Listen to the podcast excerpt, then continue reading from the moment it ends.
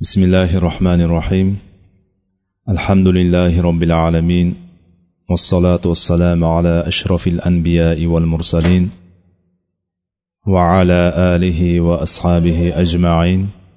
أما بعد السلام عليكم ورحمة الله. اللهم علمنا ما ينفعنا وانفعنا بما علمتنا وزدنا علما يا عليم. alloh taologa hamdu sanolar bo'lsin allohni marhamati bilan yana mana shu riyozi solihin darsida yana to'planib turibmiz. Biz o'tgan darsimizda riyozi solihin kitobining yaqin va tavakkul bobiga kirgandik o'shandan oyatlar bilan tanishib chiqqandik. Bugun inshaalloh shu bobni hadislari bilan birma bir inshaalloh tanishishga o'rganishga kirishamiz. Kitobimizning yetmish beshinchi hadisi bobning esa birinchi hadisi bilan boshlaymiz inshaalloh.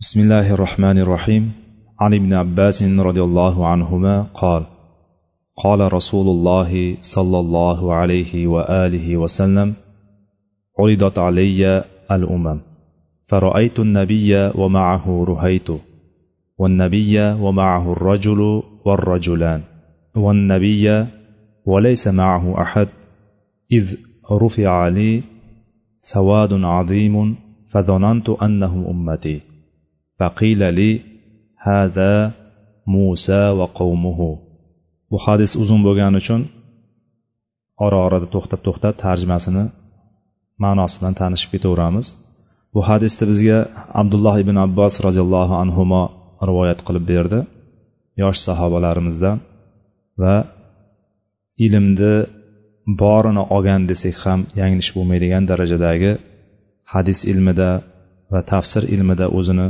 dengizdek ilmi bilan ummatga foyda keltirib ketgan ummatga katta ilm qoldirib ketgan abdulloh ibn abbos payg'ambarimiz sollallohu alayhi vasallam jiyanlaridan kelgan hadis ekan.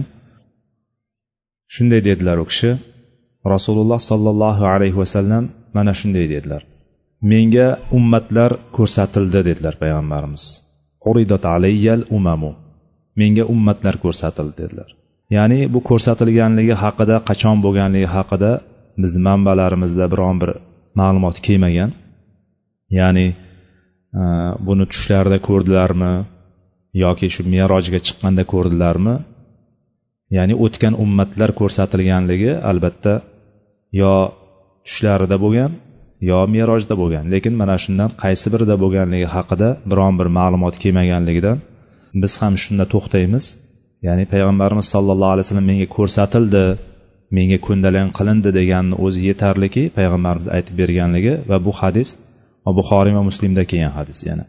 Ya'ni sahihligida shubha bo'lmagan buxoriy va muslimda kelgan hadis. Qisqasi payg'ambarimiz sollallohu alayhi vasallam aytdilarki menga ummatlar ko'rsatildi. Faroaytu nabiyya va ma'ahu ruhayt. Men bir payg'ambarni ko'rdim.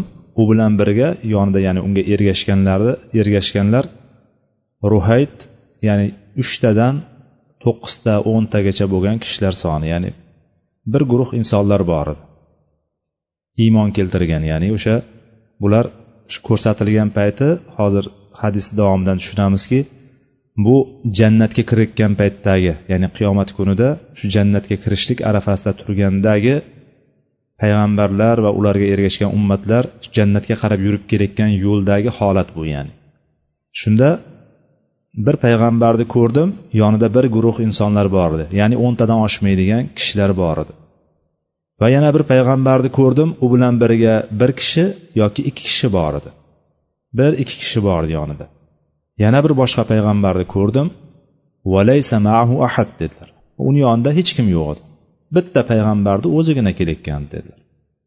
Ya'ni payg'ambarlarni holatlarini biz bilamiz. Payg'ambarlar insonlarni ichida haqni haq qilib yetkazadigan va botilni ko'rgan paytda sukut qilmasdan turib o'shani botil ekanligini bildiradigan va ollohni buyrug'ini yeriga keltiradigan da'vatni eng ustunda bo'ladigan da'vatchilarni imomi bo'lgan payg'ambarlar hisoblanadi.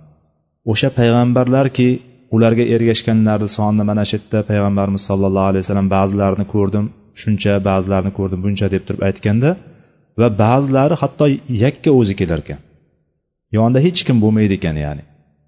Bundan biz oyatdan bilamizki mana nuh alayhissalom nuh alayhissalom qissasini bilamiz. Nuh alayhissalom to'qqiz yuz ellik yil da'vat qilganligi haqida oyatda keladi. To'qqiz yuz ellik yil da'vat qildi lekin vama amana maahu illa qolil oyati bor. Unga juda ozchilik iymon keltirdi deb keladi. Juda ozchilik ozchilikni biz endi bu yerda tafsir olimlari har xil fikrlarda aytishgan. Ya'ni bu yerda biz qolil degandan bilamizki ya'ni kam desa o'zi yetarli o'sha gapni o'zi.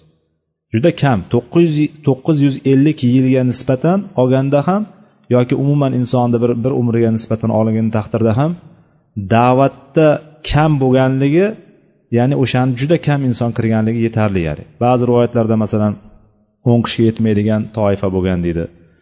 Ba'zilar o'g'illari to'rtta o'g'li bo'lgan nuh alayhissalomni to'rtta o'g'lidan uchtasi o'zi bilan birga kemaga chiqadi bittasi boyagi aytib ketganimizdek oyatda kelganidek suvga g'arq bo'lib ketadi ya'ni iymon keltirmagan bittasi kofir bo'ladi. Ichida u men mana shu tepaga chiqib olsam deb turib tog' tepasiga chiqib olib turib mana shu toqqa chiqib olganligim bilan bu to'fondan omon qolaman deydi. O'sha yerda nuh alayhissalom bilan uni o'rtasidagi gap ketadi.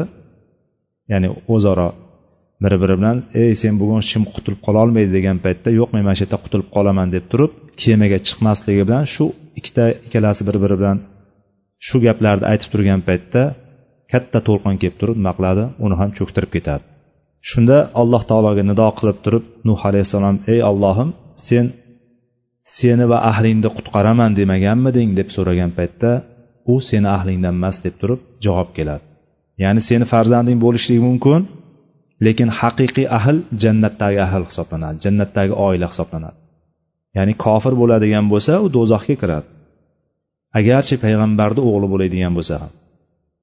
Shunday dedi qisqasi mana shu o'rinda uchta o'g'li e, o'zi bilan birga kemada qutulganligi va o'sha uchta o'g'lini iymon keltirganligi va u bilan birga o'sha uchta o'g'li bilan birga oilasi bo'lganligi va ma'lum sanoqli sondagi mo'minlar bo'lganligi rivoyat qilinadi ba'zi rivoyatlarda ibn abbos roziyallohu anhuning e, shu aytgan gaplarida saksontaga yaqin bo'lgan deydi saksonta bo'lgan deydi.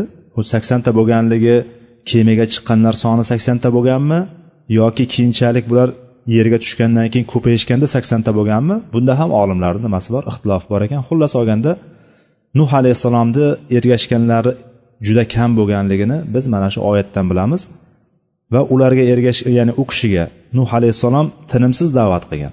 Tinimsiz da'vat qilganda alloh taologa nido qilib aytgan ey robbim men tinimsiz da'vat qildim ularni men da'vat qilishligim faqat ularni nima mendan uzoqlanishishiga dindan uzoqlashishiga sabab bo'ldi boshqa narsaga sabab bo'lmadi. Har qachon da'vat qilsam nima qildi ular? Quloqlariga qo'llarini tiqib oldi. Ustilariga kiyimlarini tashlab teskari qarab oldi. Boshlariga yopib oldi go'yoki sen ko'rmayin deb turib. Va dinlardan ya'ni mana shu dinga kelmaslik uchun qattiq oyoq tirab oldi va kibr havo qildi deb turib nuh alayhissalom alloh taologa nido qiladi. Alloh taologa ya'ni o'zini mana shu kechirgan boshdan kechirgan u qandaqa qiyinchilikka uchragan da'vatdagi odamlarni munosabatini qanchalik yomonligini shikoyat qilib alloh taologa aytadi mana shuni. Endi payg'ambarlar shunaqa da'vat qilganda ham um, umuman ergashmagan. Bir kishi ham ergashmagan payg'ambarlar ham bor ekanki mana payg'ambarimiz sollallohu alayhi vasallam aytyaptiki va nabiyya va laysa ma'ahu ahad. Biron kishi bo'lmagan payg'ambar ham bor edi dedilar. Endi yana hadisga qaytamiz. Iz ali savadun azim. Ya'ni shu payt bir katta bir olomon ko'rindi. Katta bir olomon ko'rsatildi menga. Ya'ni bunday qaraganda uzoqdan kelayotganlarni payg'ambarimiz sollallohu alayhi vasallam buyoqdan kuzatib turibdilar. Katta qoralik savadun azim. Savad qora degan ya'ni insonlar bunday kelayotgan paytda qop qora bo'lib ko'rib turib ya'ni katta olomon kelyapti. Buyuk olomonni ko'rdimda va mana shu meni ummatim bo'lsa kerak deb turib umid qildim dedi. O'yladim shu mana shu meni um-, ummatim bo'lsa kerak desam menga aytildiki hada musa va qavmuhu dedi. Bu sizni ummatingiz emas bu muso alayhissalom va u kishining qavmi deb turib menga xabar berildi dedi.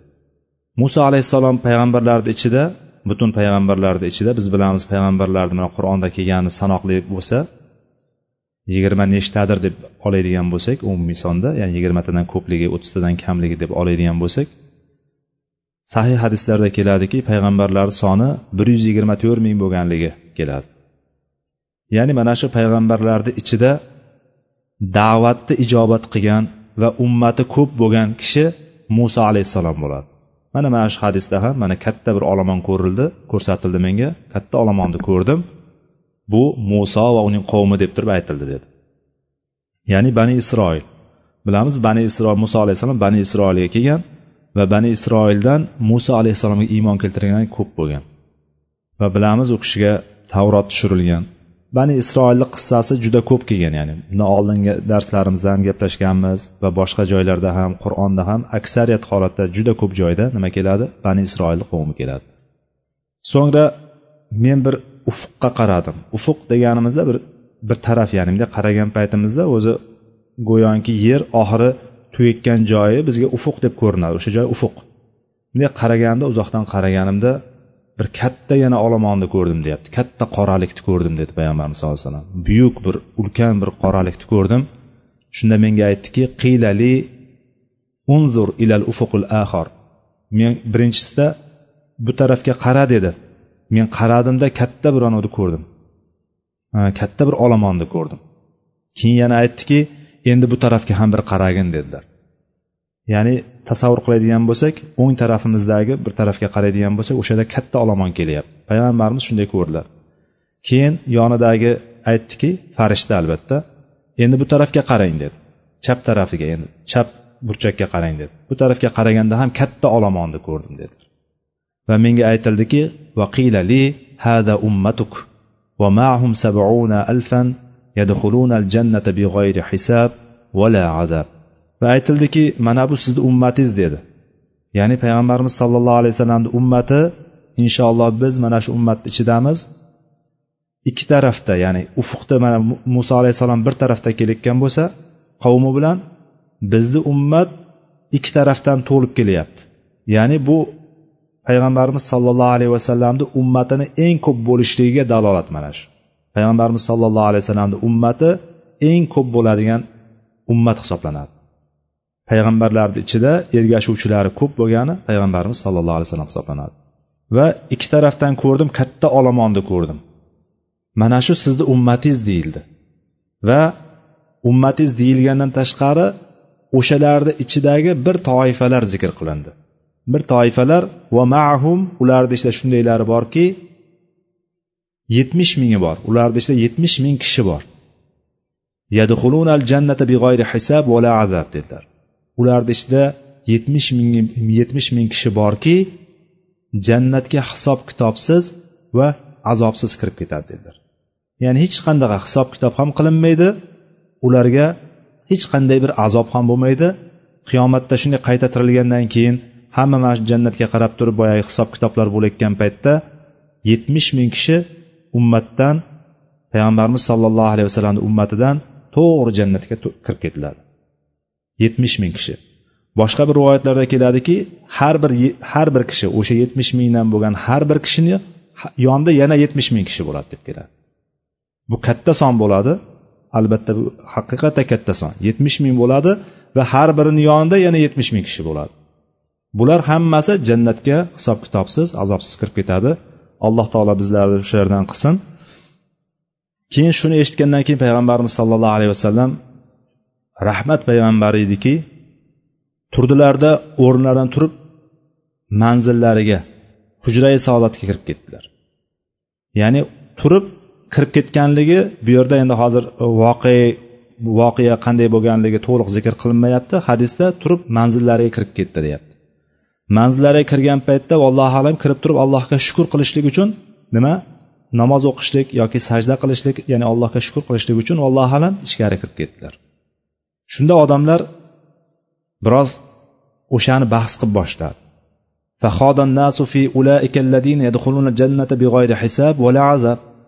Odamlar o'shalarni muhokamaga qilishni boshladi. O'sha jannatga hisob kitobsiz va azobsiz kiradigan yetmish ming kishi kishi haqida nima qildi sahobalar muhokama qilib boshladi va ba'zilari aytdiki faqola ba'duhum فلعلهم الذين صحبوا رسول الله صلى الله عليه وسلم dedi shoyat dedi shular dedi shu yetmish ming kishi jannatga hisob kitobsiz azobsiz kirib ketadigan kishilar rasululloh sollallohu alayhi vasallam bilan sahoba bo'lgan kishilar bo'lsa kerak dedi Ya'ni payg'ambarimiz sahobalari bo'lsa kerak bular. Shoyat shunaqa bo'lsa deb aytishdi ba'zilar. Haqiqatda sahobalar bizni e'tiqodimizda ahli sunna va jamoa e'tiqodida ergashiluvchi zotlar. Ya'ni dinimizni payg'ambarimiz sollallohu alayhi vasallamdan keyin bizga saqlab qolgan va bizga yetkazgan kishilar sahobalar hisoblanadi. Sahobalarni hammasini hamma ittifoq qilganki ahli sunna olimlari ittifoq qilganki hammasi adolatli kishilar deb turib hammasi adolatli kishilar. Hadis ilmida ham hadis roviylarini tekshirish ilmi bor. Ilmu rijal deydi. O'sha roviylarni aniqlash o'shalarni ishonchli yoki ishonchsiz ekanligini ularni adolatini ularni xotirasi jihatidan kuchlimi yoki kuchsizmi o'shani sinashlik uchun ilmu rijal degan fan bor yoki boyagi aytgan jarh va tadil degan ilm bor. Ya'ni jarh degani o'shani jarohatlashlik yoki bittasini adolatli deb turib topishlik ilmi bor. Ana shu ilm sahobalardan keyingilarga qo'llaniladi. Sahobalarga bu ilm qo'llanilmaydi chunki ummat alloh taoloni guvohligi bilan va payg'ambar sollallohu alayhi vasallamni guvohligi bilan sahobalarni hammasini adolatli deb bir ovozdan qabul qilishadi. Kichkina sahoba payg'ambar sollallohu alayhi vasallamni masalan kichkina sahoba deylik. Kichkina sahoba masalan madina davrida makka davrida yosh bo'lgan bo'lsa deylik uch yosh to'rt yosh. Lekin hali payg'ambarlik kelgan paytda bo'ladigan bo'lsa ya'ni uch yosh bo'ladigan bo'lsa o'n yil oldingi narsani rivoyat qilib beradi bizga misol. Payg'ambarimizni e, ilk payg'ambarlik kelgan kunlarda bo'lgan voqealarni zikr qilib beradi. Lekin biz o'shani shunday qabul qilamiz. Nimaga? Chunki ular yo payg'ambarimiz sollallohu alayhi vasallamni o'zidan eshitganlar birinchi ehtimol. Yo payg'ambarimiz sollallohu alayhi vasallamni o'zidan eshitganlar ya'ni katta bo'lganidan keyin. Yoki payg'ambarimizdan keyin katta sahobalardan eshitgan. Payg'ambarimizdan eshitgan bo'lsa hech qanaqa bu yerda hech narsa qolmaydi. Ya'ni payg'ambarimiz shunday dedi deb turib bevosita aytayotgan bo'lsa payg'ambarimizdan eshitgan bo'lsa bunda biron bir ixtilof yo'q lekin ikkinchi tarafi bor.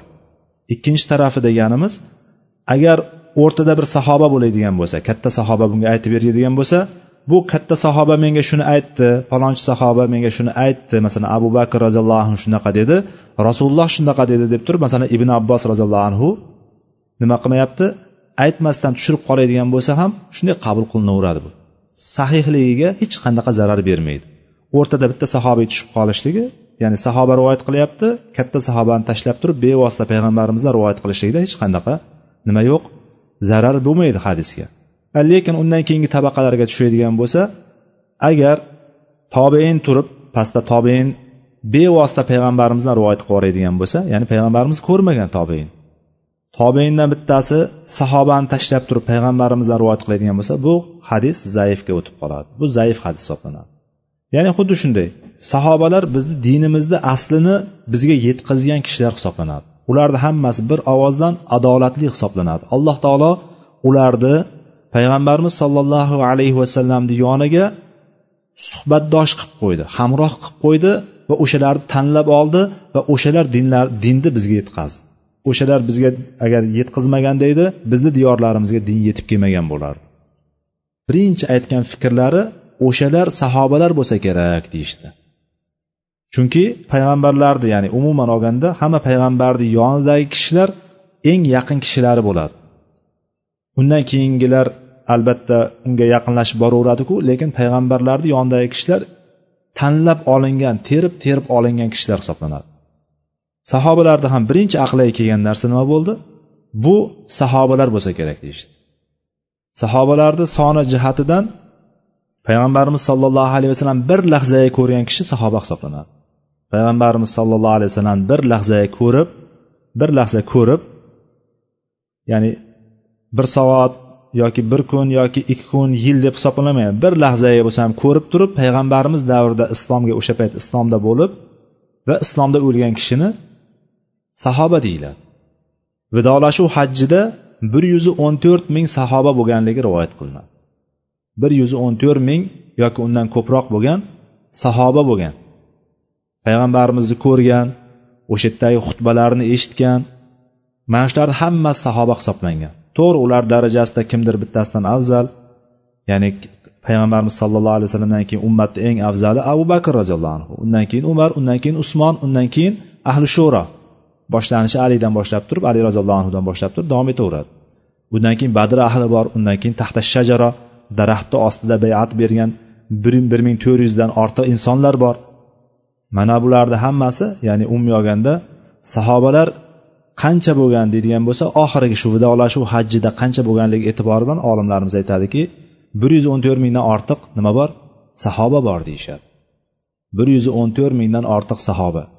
Agar bularni aytgani bo'yicha hozir sahobalar bahs qilyaptiya boyagi shu yetmish ming kishini jannatga hisob kitobsizu azobsiz kirib ketadigan yetmish ming kishi kim bo'lgan deb turib gapirayotgan gaplarida agar bular sahobalar deydigan bo'lsa sahobalar bo'lsa kerak deb turib biz ham shuni qabul qiladigan bo'lsak nima bo'ladi bir yuz o'n to'rt mingni ichidan yetmish mingi egallab ketib qoladi bu o'rin to'g'rimi ho'p bu bitta bahs edi keyin boshqalar aytishdiki sahobalarni boshqalari وقال بعضهم لعلهم الذين ولدوا في الإسلام falam yushriku billahi shayan yana ba'zilar aytishdiki balki dedi bular islomda tug'ilgan islomda tug'ilib allohga biron bir narsani shirk keltirmagan kishilar bo'lsa kerak deyishdi. Ya'ni bularni e'tiborini qaranglar. O'shalarni sof insonlar bo'lishligini umid ya'ni haqiqatdan bunday olib qaraydigan bo'lsa butun olomonni ichidan olomonni ham faqat musulmonlarni ichidan ham o'shalarni ichidagi sof kishilarni kimlar bo'lishligini bular nima qilyapti? Test qilyapti. O'shalarni ichidan ajratib olyapti. Va birinchisi aytganda eng afzallari kim bo'lyapti? Sahobalar bo'lyapti. Haqiqatda shunday ummatni ichida eng afzallar sahobalar bo'lishadi. Sahobalarimni bir hovuch tilla infoq qiladigan bo'lsa sizlarni uhud tog'ichalik infoq qilganlaringdan ko'ra afzaldir deb keladi bir hovuchi sahobalardik undan keyin aytayotgani qaranglar islomda tug'ilib allohga biron bir narsani shirk keltirmagan holatda o'tgan kishi bo'lsa deyapti. Ya'ni oilada islom oilasida tug'ilyapti va shirk degan biron bir narsani ko'rmayapti. Ya'ni allohga shirk keltirmaslikni va islomda bo'lishlikni ya'ni tavhidda bo'lishlik muvahhid bo'lishlikni qanchalik e'tiborini bular o'sha e'tiborga qaratyapti. Ikkinchi aytgan odamlarni fikri mana shu bo'lyapti. Ya'ni albatta ummatni ichida eng afzal kishilar shular bo'ladi. Islomda tug'ilib allohga biron bir narsani sherik keltirmagan holatda yashab o'tgan inson o'sha ummatni ichida eng yaxshilari bo'ladi. Haqiqatda shunday. Bular to'g'ri fikrlashdi ya'ni sahobalar. Va uni aytishdi va buni aytishdi. Bu o'rtada ancha muncha narsani aytib o'tishgan paytda shu payt payg'ambarimiz sallallohu alayhi vasallam chiqib qoldilar ya'ni payg'ambarimiz manzillariga kirib ketgandilar. Bu o'rtada sahobalar o'sha yerda muhokamaga kirishib ketishdi. Va muhokama bo'lib turgan paytda payg'ambarimiz o'shani ustiga kelib qoldi. Va aytdilarki faqol nima haqida bunaqa suhbatlashyapsiz? Nima nimani muhokama qilyapsizlar? dedi. Shunda fa axbaruhu ular o'sha paytda nimani muhokama qilganligini nimani ustida gaplashayotganliklarini xabarini berishganda payg'ambarimiz o'zlari mana shu kishilarni jannatga kiradigan hisob kitobsiz kiradigan va azobsiz kiradigan shu yetmish ming kishini kim ekanligini birma bir sifatlari bilan sanadilar. Faqola humulladina la yarqun va la yastarqun va la yatatayyarun va ala robbihim yatavakkalun dedilar. Ular shunday bir kishilarki dam solmagan. La yarqun dam solmagan. Va la yastarqun dam soldirmagan kishilar. Va la yatatayyarun shumlanmagan kishilar. Va va ala robbihim yatavakkalun va robbilarigagina tavakkul qilgan kishilardir. Deb turib payg'ambarimiz sollallohu alayhi vasallam marhamat qildilar. Shuni mana shu sifatlarni birma bir sanab chiqdilar. Bu yerda bu lafzni imom e, imom navoiy muttafaqun alayh deb keltirgan lekin bu muttafaqun alayh hadis emas. Bu lafz imom muslimni lafzlari bu yerda e, shu imom navaviy muttafaqun alayh deb keltirib o'tgan. Lekin bu hadisda hadis muttafaqun alayh hadis emas. Ya'ni ikkala imom ham ya'ni buxoriy ham muslim ham bunga ittifoq qilmagan. Ya'ni lafzlarda farqliliklar bor. Hadisimizda aytganimiz hozir biz hadisni borini tarjima qildik kitobdagini. Endi o'sha o'sha jumlalariga bir tanishib chiqamiz jumlalarni. Humulladina la yarqun dedi.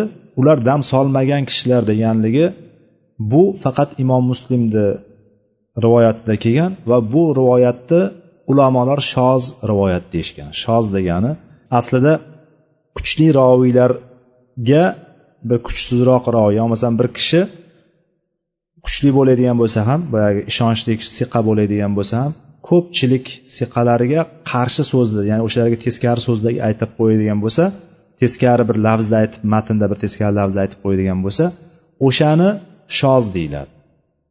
Shozni o'zi ma'nosi bitta bo'ldi degani yakka o'zi qolib ketdi degani xuddi mana shu rivoyat mana shu imom muslimdan kelgan rivoyatni olimlar shoz va xato deyishgan mana shu jumlasini mana shu la yarqunni xato deyishgan. Xato degani nimaga asoslanib aytgan? Aksar rivoyatlar va buxoriyni rivoyatida ham la yarqun kelmagan.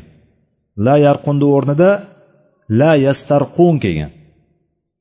Duo soldirma dam soldirmagan ya'ni duo qilishligini dam solib qo'yishligini talab qilmagan kishilar deb turib kelgan. Dam chunki dam solishlik payg'ambarimiz sallallohu alayhi vasallam dam solganlar. Boshqalariga dam solib qo'yganligi keladi payg'ambar sallallohu alayhi vasallam. Jannatga ilk kiruvchi kishi hisob kitobsiz kiruvchi kishi azobsiz kiruvchi kishi payg'ambarimiz emasmi? Ya'ni mana shu jihatdan olimlar aytishadiki imom muslimni mana shu dam solmagan degan rivoyati shoz deydi va xato deydi. Chunki bunga boshqa rivoyatlarda ham keladi payg'ambarimiz sallallohu alayhi vasallam o'zlari solganligi ham keladi va boshqa birisi ruqya qilib qo'ygan paytda mana shu duo o'qib qo'ygan paytda o'shan bilan shifolangan bir kishi holat bo'lgan paytda o'sha narsaga iqror bo'lganligini rivoyatlari keladi sahiy rivoyatlar.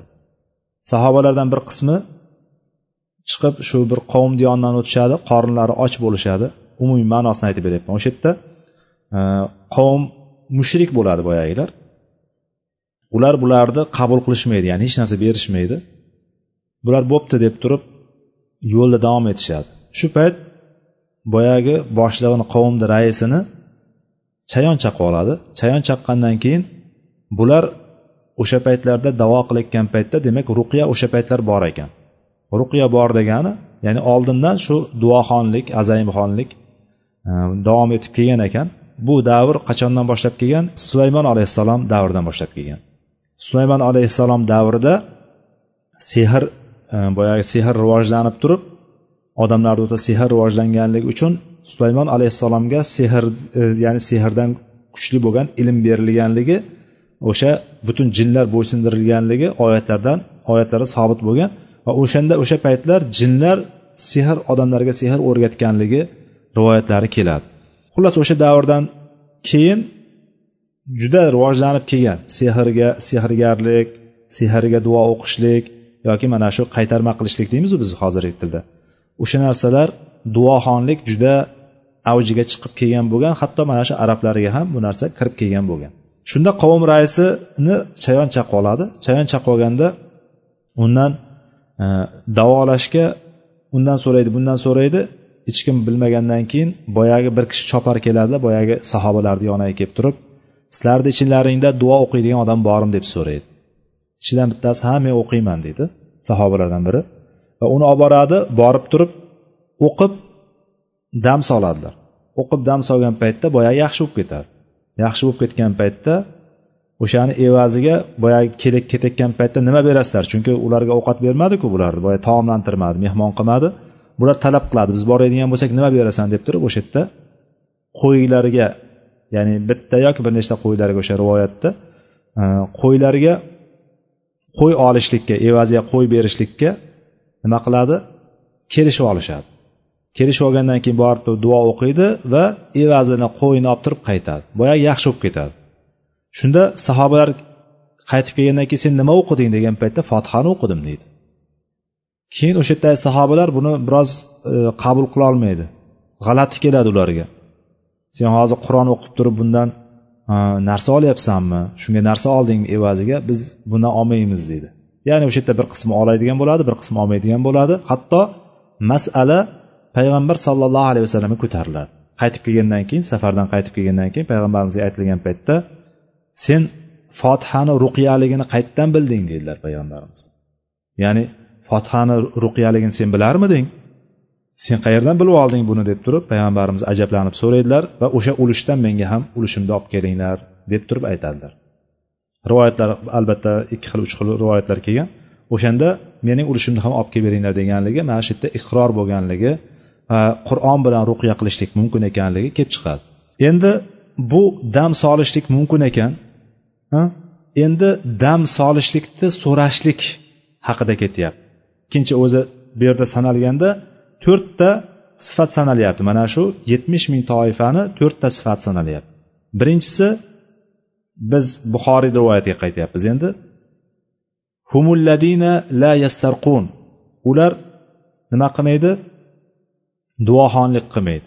Ya'ni duoxonlik demaymiz duo o'qib qo'yishini so'ramaydi. Dam solib qo'yishligini so'ramaydi. Dam e, masalan biron zarar yetib qoladigan bo'lsa zarar yetib qolsa masalan ko'z tegib qolishligi bo'lishi mumkin yoki bir sehr tegib qolishligi mumkin yoki biron bir hozirgi aytayotganday chayon chaqib olishligi deganga o'xshagan holatlar bo'lib qoladigan bo'lsa o'shanda bittasidan yonidagi birisidan yoki o'shani biladigan bir kishi kelib turib menga o'qib qo'ying meni o'qib qo'ying demaydi deyapti. Shularni birinchi sifati. Olimlarni buni ustida ham ixtilofi bor. Ixtilofi borligini duo o'qishlikni so'rab qo'yishlikda zarar bormi? Mana shu yetmish ming kishini ichiga kirmaslikka sabab bo'ladimi desa olimlarni ba'zilari ha chunki hadisda ochiq aytib turibdi shu narsani. Duo o'qishlikni talab qilmaydi deb kelyapti. O'sha yetmish ming kishidan bittasi bittasidan yana yetmish ming kishini ichidan tushib qolishligiga mana shu hadisdagi o'sha dalil bo'ladi deydi. O'sha lafz dalil bo'ladi deydi kim bir kishidan o'qib qo'yishligini dam soldirib qo'yishligini talab qiladigan bo'lsa o'shalarni safidan tushib qoladi deydi boshqa olimlar aytishadiki bu yerda ko'zlangan maqsad emas deydi ya'ni bu yerda ko'zlangan maqsad hali ko'z tegishidan oldin yoki sehrlanib qolishligidan yoki oldin yoki biron bir zarar kelib qolishidan oldin dam soldirishlikni so'rashlik deb aytadi. Hali e, kasallanmagan kasallanmasdan oldin dam soldirishlik so'rashlik mana shunga kirib qoladi deydi. Lekin kasallanadigan bo'lsa ko'z tegib qolishligi yoki sehr tegishligi yoki boyagi aytgan chayon chaqib olishligi yoki shunga o'xshagan boshqa boshqa holatlar bo'ladigan bo'lsa dam soldirishlik kasallangandan keyin dam soldirsa buni zarari yo'q deydi. O'sha yetmish ming kishini ichiga kirishligiga bu mone bo'lmaydi deydi olimlar bor. Lekin birinchi olimlarni e, fikri vallohu alam ochiq turibdi bu yerda hadisda. Dam solishni so'ramaydilar deb kelyapti. Va yana boshqa olimlarni fikri ham bor. Bu olimlarni fikriga ko'ra ya'ni noshar'iy yo'llar bilan duoxon ya'ni dam soldirishlikni talab qilishlik deb aytishgan. Noshar'iy yo'llar bilan. Shar'iy bo'ladigan bo'lsa joiz deyishgan. Ya'ni umumiy olgan paytda agar shu yetmish ming toifadan bittasi bo'laman deydigan bo'lsa biron bir zarar kelib qoladigan bo'lsa o'sha narsaga sabr qiladi. O'zi o'zi qilishligi mumkin. Dam boyagi zikrlarni duolarni o'zi qilishligi mumkin lekin boshqadan talab qilishlik haqida ketyapti bu yerda hozirga boshqadan talab qilmaydi ya'ni faqatgina ollohgagina suyanadi. Ollohgagina tavakkul qiladi. Mana shu bizni bobimizga tegishli bo'lgan joyi faqatgina ollohgagina suyanishlik. Duoni birovdan talab qilmaydida nima qiladi? O'sha zararni olloh beradi zararni o'sha zararni olloh ketkazadi degan e'tiqod qalbiga singan bo'ladi va ollohdangina umid qiladi. Ikkinchisi buxoriyni rivoyatdan aytyapmiz yana vala yaktavun. Yaktavun degani badanini kuydirib davolamaydi. Olimlar yaktavunni kuydirib davolashlikni talab qilmaydi. Ya'ni o'zi kuydirib davolashligi birontasini kuydirib davolashligi zarar qilmaydi deydi. Lekin o'zini badanini kuydirib davolashligi yoki kuydirib davolatishligi mana shu jumlaga kirib qoladi deydi. Mana shu yetmish ming toifani sifatlaridan bo'lmagan narsaga kirib qoladi deydi. O'zini kuydirib davolatadigan bo'lsa. Bunga qayerdan dalil olamiz? Payg'ambarimiz sollallohu alayhi vasallam sad ibn muozni shu kuydirib davolaganligi keladi. Kuydirganligi keladi.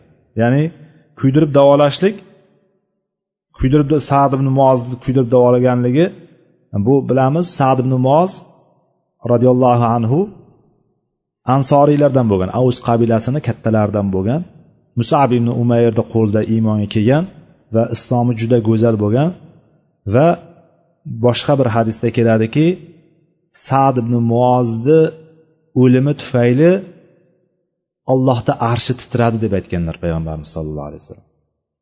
Mana shu kishi ya'ni sad ibn muoz sad ibn muozni o'sha handaq jangida shu o'tgan darsimizda ham o'tdik handaq jangi ahzob kunini hijriy beshinchi yilda shavvol oyida bo'lib o'tganligini bu narsa haqida gaplashdik.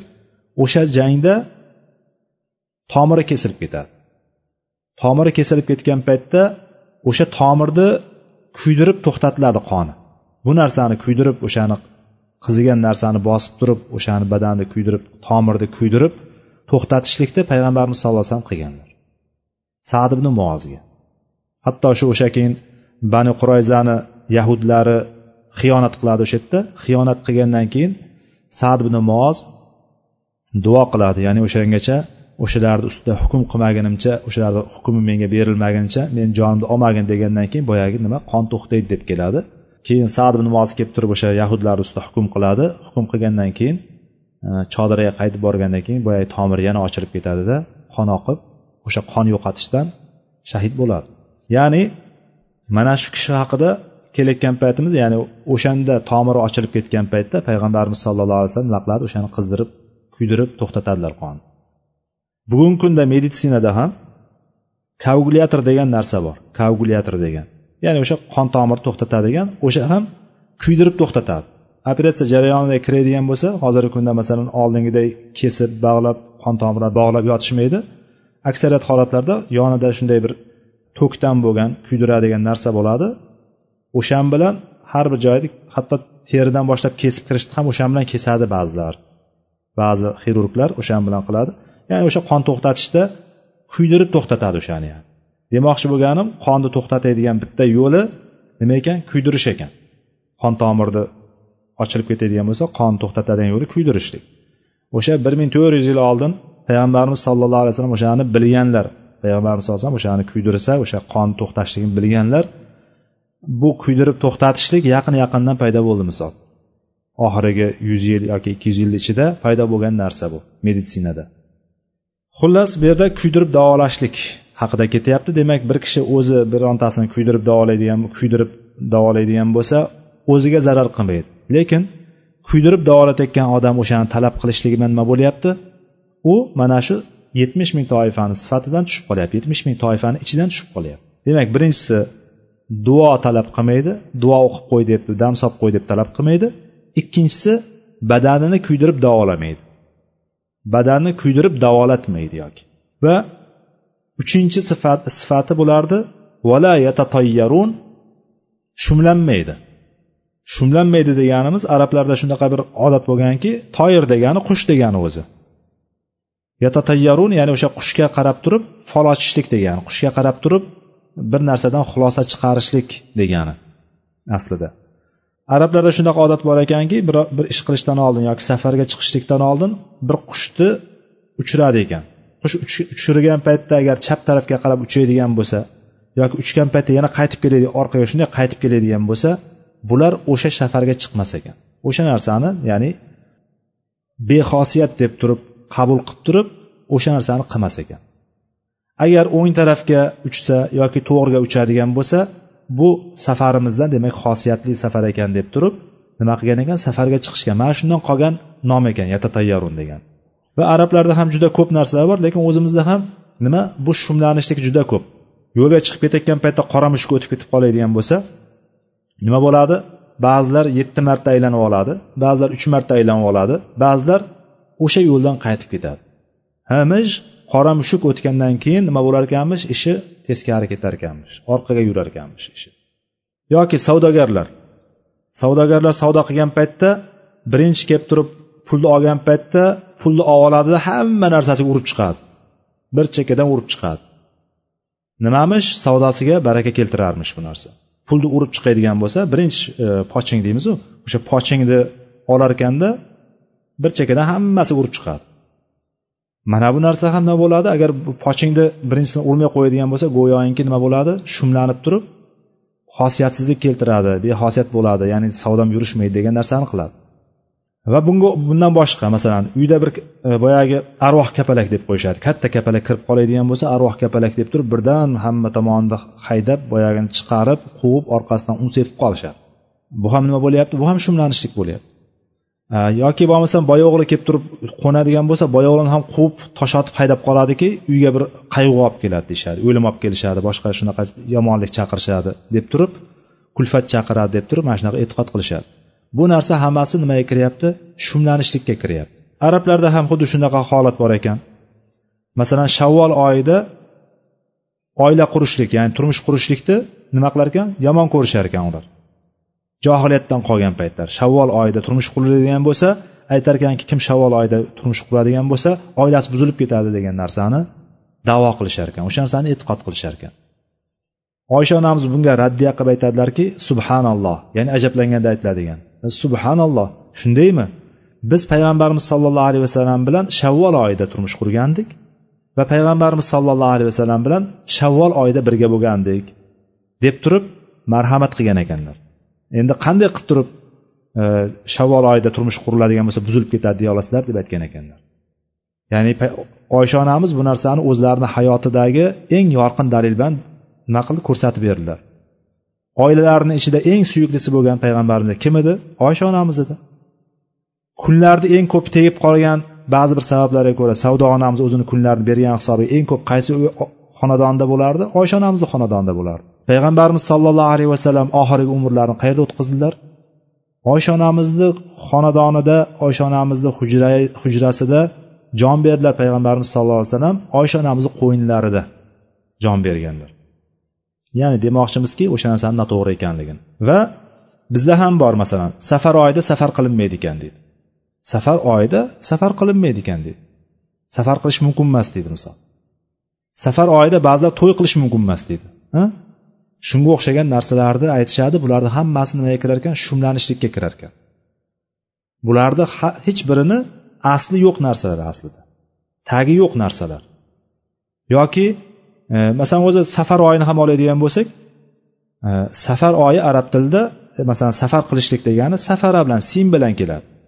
Safara safar oyi bo'ladigan bo'lsa sot bilan keladi. O'zi shu yerda o'zida farqi bor aslida. O'zbeklarga farqi yo'q hammasi hammasi bittasi lekin arab tilida uchtasi bor. Uchtasi harfi bor. Uchtasini bir biridan o'zgartiradigan bo'lsangiz butunlay ma'no o'zgaradi. Uchta h bor. Uchta h bor uchalasi ham bir biridan farq qiladi. Bitta so'zga bitta nuqta qo'yishingiz bilan haga bitta nuqta qo'yishingiz bilan ho bo'ladi. Xolaqa bo'lsa yaratdi bo'ladigan bo'lsa nuqtasini olib qo'ysangiz halaqa bo'ladigan bo'lsa sochini oldi degan ma'no bo'lib qoladi. Ya'ni butunlay katta katta ma'nolar o'zgarib ketib qoladi. Ya'ni demoqchi bo'lganim safar oyida safar qilmaslik kerak ekan degan narsa bu botil gaplar. Asli o'zi harflarda ham o'zi farqi bor. O'zi safar oyi arabcha arab arabiy qamariy yillardan qamariy oy yil hisobida yozilgan safar oyi ya'ni safar qilishlikka nimasi yo'q? Hech qanaqa tegishli aloqador joyi yo'q. Yoki ba'zan dushanba kun og'ir kun deymiz. Odamlarni o'rtasida dushanba og'ir deydi. Dushanba kunda nima qilyapti? Shumlanyapti. Vaholanki dushanba payshanba kunlar qanday kunlar? Amallar ko'ndalang qilinadigan allohga ko'rsatiladigan kun. Payg'ambarimiz sollallohu alayhi vasallam o'sha kunda ro'za tutganlar. Dushanba payshanba amallar ko'ndalang qilinadi va men o'sha kunda solih amalda bo'lib turishlikni yaxshi ko'raman deganlar payg'ambar sallallohu alayhi vasallam. Va ro'za tutganlar. Amallarim ko'ndalang qilinar ekan amallarim alloh taolo ko'rsatilib turgan paytda ro'zador holatda bo'lib turishni xohlayman deganlar payg'ambar sallallohu alayhi vasallam. Endi qanday qilib turib dushanba og'ir kun deymiz. Endi dam olishdan keyin chiqqanda yoqmaydi inson o'shani hisobidan kelib chiqqan narsa misol. O'ddiq kunidan bozor kunidan dam olib turib dushanba kuni ishga chiqishlikda yoqtirmasdan og'irsinib chiqishlikda dushanba og'ir kun deydi misol. U nima? Bekor gap. Yoki yana olishlik mumkin o'n uch raqami. Masalan o'n uch raqami bizda keyinchalik mana shu e, g'arb taraflardan kirib kelgan o'n uch raqamini o'shani yomon ko'rishlik o'shani yoqtirmaslik degan narsa kelib chiqdi misol. G'arbdan kirib kelyapti. G'arb nimani qilsa o'shanga ergashyapti. Ho payg'ambarimiz sollallohu alayhi vasallamni hadislarida kelganday hali ular kalta kesakni iniga kiradigan bo'lsa shunday kichkina past o'ringa misol qilib aytilyaptida kalta kesakni iniga kiradigan bo'lsa sizlar ham kalta kesakni iniga kirasizlar dedilar. Ya'ni mana shu ahli kitoblar kofirlar nima qiladigan bo'lsa o'shalarga izma iz ergashib ketib qolasizlar dedilar payg'ambar sallallohu alayhi vasallam. Bugun nima qilyapti yoshlarimiz? Yoshlarni qo'yib turing kattalar ham qilyapti shu narsa. Yoshlarku hali boshida aqli qotmagan deydigan bo'lsangiz kattalarnichi? Televizorda butun dunyoni qayoqdagi seriallari qo'yilyapti? O'sha seriallarni orqasidan seriallarni ko'ryaptida yo'q biz shunchaki ko'ryapmiz deb turib hayot tarziga aylantirib yuboryapti misol. O'sha yerdagi oiladagi xiyonatlar bormidi? Bir biriga bo'lgan munosabatlar bormidi? Yoki boyagi aytayotganday u marokkada ishlangan bir seriali bor edi. Qayoqda qolib ketgan bir seriali bor edi. Boyagi qiz hijobni o'rashni xohlamaydi yoki hijob o'raydigan bo'lsa ham hozirgi aytayotganday umuman hijobda h harf ham bo'lmaydigan bir hijobni kiyib olib turib quloqdagi zirayini ko'rsatib yurganligini ko'rib turib nima qilib boshladi? Buyoqdagi muslimalar o'shalarga taqlid qilib turib ro'molini ro'mol o'rayapman hijob o'rayapman deb turib butun qomatini bildiradigan kiyimlarni kiyib quloqda zirayini ko'rsatib turib yuzini bo'yab turib chiqadigan bo'lishdi bu nimaga bo'lyapti? Qayerdan olyapti bu narsani? Bu narsani ta'siri hayotga bilmasdan ya'ni shunday singib ketib qolyaptiki odamlar buni bilmay qolyapti. Hamma o'lchov o'shanga qarab bo'lib qolayotganligini o'zi bilmayapti. Xuddi shunday o'n uch raqami ham misol o'n uch raqamini shunday keltirib o'shadan olgan narsa bilan ba'zilar o'n uch raqamida hattoki mehmonxonalar bo'ladigan yoki sanab kelinayotgan narsalar qo'yib keladigan bo'lsa o'n uch raqamni tashlab birdan o'n to'rtga o'tib ketar ekan. Nima degan gap bu? Bu narsa islomda harom hisoblanadi. Islomda shumlanishlik harom. Joiz emas bu narsani qilishlik. Biz har bir narsani allohga topshiramiz. Va mana shu uchta sifat sanaldi birinchisi duo o'qib qo'yishlikni dam solib qo'yishlik talab qilmaydi. Ikkinchisi badanini kuydirib davolamaydi yoki davolamaydi. Va uchinchisi shumlanmaydi. Va mana shularni hammasini bitta o'ringa jamlagan narsa va ala robbihim yatavakkalun mana to'rtinchisi ular robbilarigagina tavakkul qiladilar. Yuqoridagi uchta sifatni hammasini allohga agar tavakkul qilgan kishi hamma ishini allohga topshirgan kishi yuqoridagi uchta sifatni hech qaysini qilmaydi. Ya'ni uchala sifat bir bo'ldi va oxiridagi tavakkul qilmay e, robbilarigagina tavakkul qiladilar degan gap bitta bo'ldi. Payg'ambarimiz sallallohu alayhi vasallam mana shularni sifatlar bo'lgandan keyin o'sha yetmish ming toifa jannatga hisob kitobsiz va azobsiz kirib ketadigan yetmish ming kishini sifatlab bo'lgandan keyin ukkosha ukkosha ibn muhsin degan sahoba turdilar o'rnidan. Aytdilarki udulloha ayyajalani minhum dedi. Yo rasululloh duo qiling allohga duo qiling allohdan so'rang duo qilib so'rang meni o'shalardan qilsin dedi. Ukkosha ibn muhsin. Ba'zilar mehson deb o'qilinadi o'qishganlar ham bor lekin muallifimiz imom navoiy rahimaulloh o'sha hadisni tagida o'sha narsani muhsin deb o'qilishligi to'g'ri deb turib bu kishi qanoati shu bo'lgan ekan. Shuning uchun biz ham e, muhsin deb o'qiyapmiz.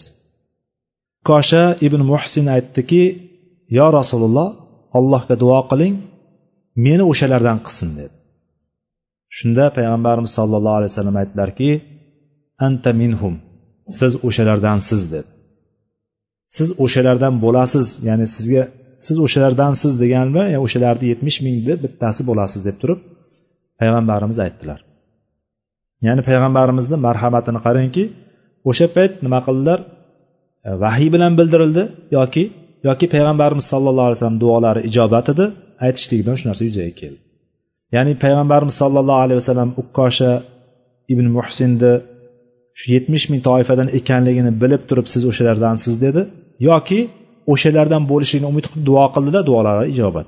Ya'ni biz bilamizki o'sha yetmish ming toifa hisob kitobsizu azobsiz kiradigan jannatga o'sha yetmish ming toifani ichida ukkosha ibn muhsin sahoba roziyallohu anhu bor deb turib e'tiqod qilamiz. Mana shu hadisga ko'ra. So'ngra yana bir kishi turdi.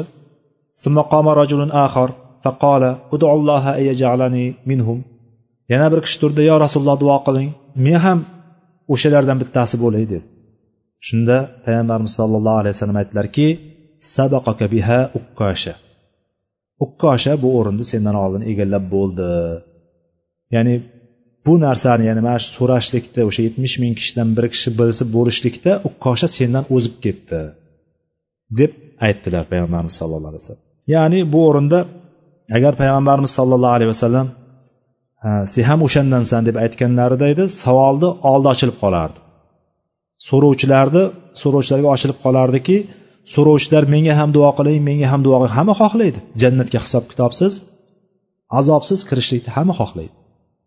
Shuning uchun bir olimlarni fikrida mana shu jumlani payg'ambarimiz sollallohu alayhi vasallamni aytgan shu jumlasidan savolni oldin to'sib qo'yishlik savolni berkitib qo'yishlik uchun so'rovchilarni ko'payib ketmasligi uchun mana shunday deb aytdi deb turib savol to'xtatib qo'yganligini aytishsa e, ba'zilari bo'lsa olimlar aytishadiki o'sha so'ragan kishini e, yetmish ming kishidan emasligini bilganlar o'shandagi munofiq ekanligini bilib turib payg'ambarimiz sollallohu alayhi vasallam o'shanga duo qilmaganlar o'shanday qilib turib javob berganlar deydi. Ya'ni ala kulli hal qanday bo'lgan taqdirda ham payg'ambarimiz sallallohu alayhi vasallam shunday deb javob berdilar va mana bu javoblari bilan ya'ni sen ulardan emassan demadilar payg'ambarimiz sallallohu alayhi vasallam. Sen ulardan emassan deb javob bermadi yuqoridagi qanday javob beruvdi? Sen ulardansan dedi. Bunga ham sen ulardan emassan deb javob berishligi mumkin edi. Lekin payg'ambarimiz sallallohu alayhi vasallam aytdi kosha sendan o'zib ketdi bundan dedi. Kosha sendan oldinlab ketdi sendan oldin egallab qo'ydi bu joyni dedilar. Ya'ni bu degani javobda ya'ni o'sha berayotgan o'sha aytayotgan o'shanga javob berishlikni go'zal bo'lganligi payg'ambarimiz sollallohu alayhi vasallam go'zal xulqli bo'lganligi va sahobalariga nisbatan mehribon va muloyim bo'lganligi va ummatga nisbatan shafqatli bo'lganligi kelib chiqadi bundan. Va payg'ambarimizdan biz mana shu xulqni olishligimiz kerak. Alloh subhana taolo bu o'qiyotgan hadislarimizga amal qilishlikni nasib qilsin. Alloh subhana taolo bizni jannatlarda jam qilsin. Mana shu yetmish ming toifani biri bo'lishlikni alloh taolo bizga nasib qilsin. Vaqtimiz oxirlab qolibdi shu hadis bilan kifoyalanamiz subhanakallohumma bihamdik ashhadu an la ilaha illa anta astag'firuka va atubu ilayk والله تعالى أعلم وآخر دعوانا أن الحمد لله رب العالمين والسلام عليكم ورحمة الله وبركاته